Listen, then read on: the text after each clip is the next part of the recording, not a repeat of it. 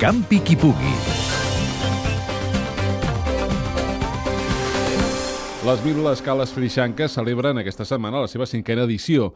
Es tracta d'una prova atlètica amb prop de 250 participants que fa un recorregut per l'interior de Flix a la Ribera d'Ebre aprofitant el desnivell i la gran quantitat d'escales que hi ha.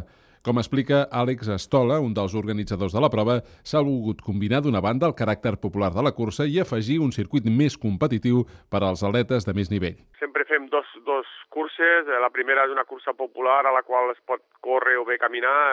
Ha sempre 140-150 participants.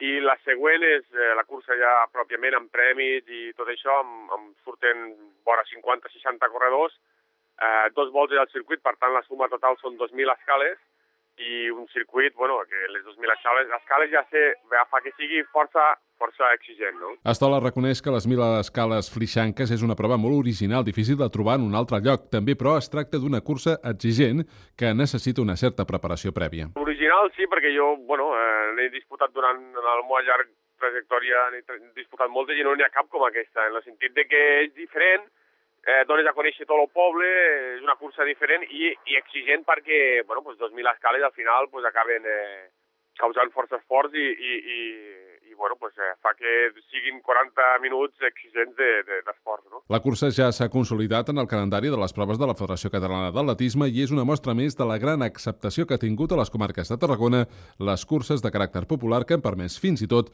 l'organització d'una marató a la Costa Daurada per primer cop fora de la demarcació de Barcelona.